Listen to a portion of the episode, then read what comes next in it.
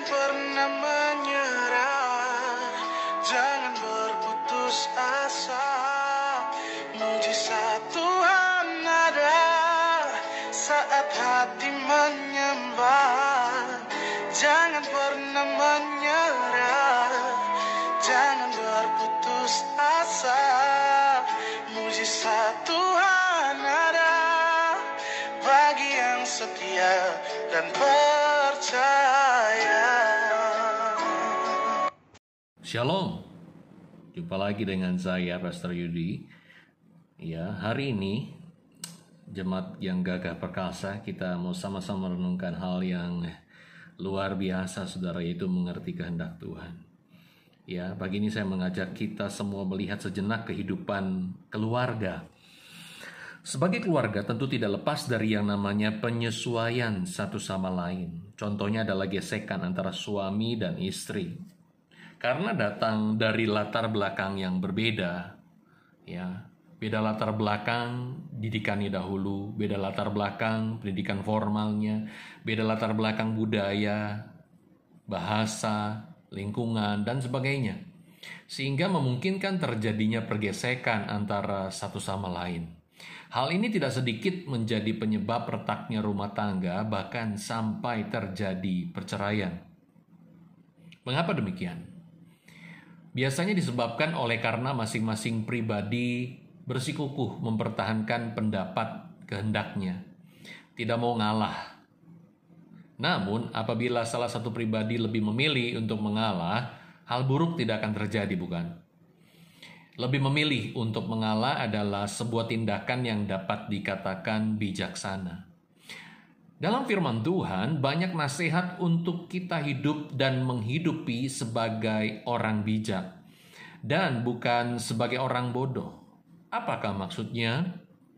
Firman Tuhan berkata, "Sebab itu, janganlah kamu bodoh, tetapi usahakanlah supaya kamu mengerti kehendak Tuhan." Dikutip dari Efesus 5 ayat 17. Perhatikan, mengerti kehendak Allah adalah sikap orang bijak, saudara. Sedikit kita mau eh, belajar kitab, saudara ya. Kita mau studi kata. Kata bodoh di dalam ayat tersebut dalam King James Version digunakan kata unwise. Berasal dari kata apron, bahasa Yunaninya, bahasa asli perjanjian baru Artinya adalah tindakan bodoh tanpa landasan, bertindak gegabah. Kemudian kata mengerti, understanding di dalam King James Versionnya dan bahasa Yunaninya ya, ya ialah suniemi yang artinya adalah untuk menempatkan persepsi hal yang dirasakan Allah dalam tindakan kita Kemudian kata kehendak ditulis dengan kata telema. Will, King James Versionnya. Yang berarti adalah apa yang diinginkan atau harus dilakukan dalam hidup kita.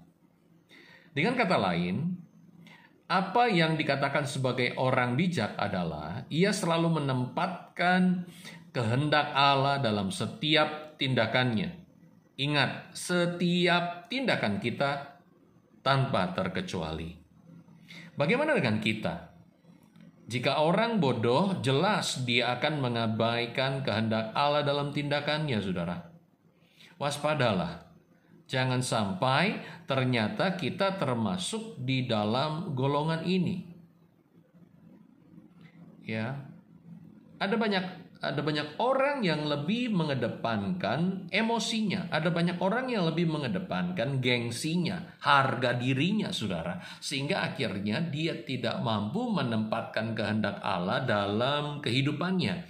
Jadi pada saat dia diperhadapkan dengan situasi kondisi tertentu, dia lebih mengedepankan emosi. Dia lebih memilih untuk menjadi marah. Dia lebih memilih untuk uh, membela diri uh, untuk untuk menjaga harkat martabatnya daripada kehendak Allah. Akhirnya apa yang terjadi? Akhirnya respon yang keluar dari orang tersebut menjadi marah-marah di tengah jalan, saudaraku.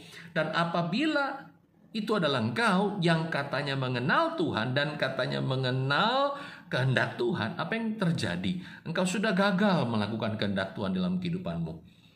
Nah, saudara memang tidak mudah untuk kita uh, menyelaraskan hidup menjadi orang yang bijak yang selalu membawa kehendak Tuhan dalam tindakan kita sehari-hari itu tidak mudah, tetapi itu bisa, tetapi itu mungkin.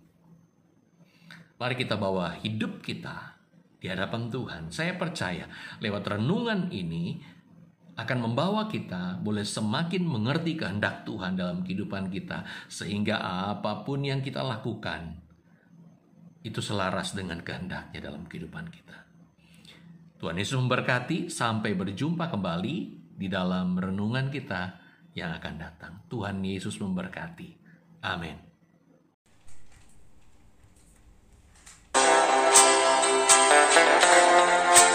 Sampai jumpa esok hari. Kiranya damai sejahtera dari Allah Bapa, kecintaan dan kasih karunia Tuhan kita Yesus Kristus, persekutuan serta penghiburan Nero Kudus menyertai kita sekalian mulai hari ini sampai Maranatha Tuhan Yesus datang. Amin.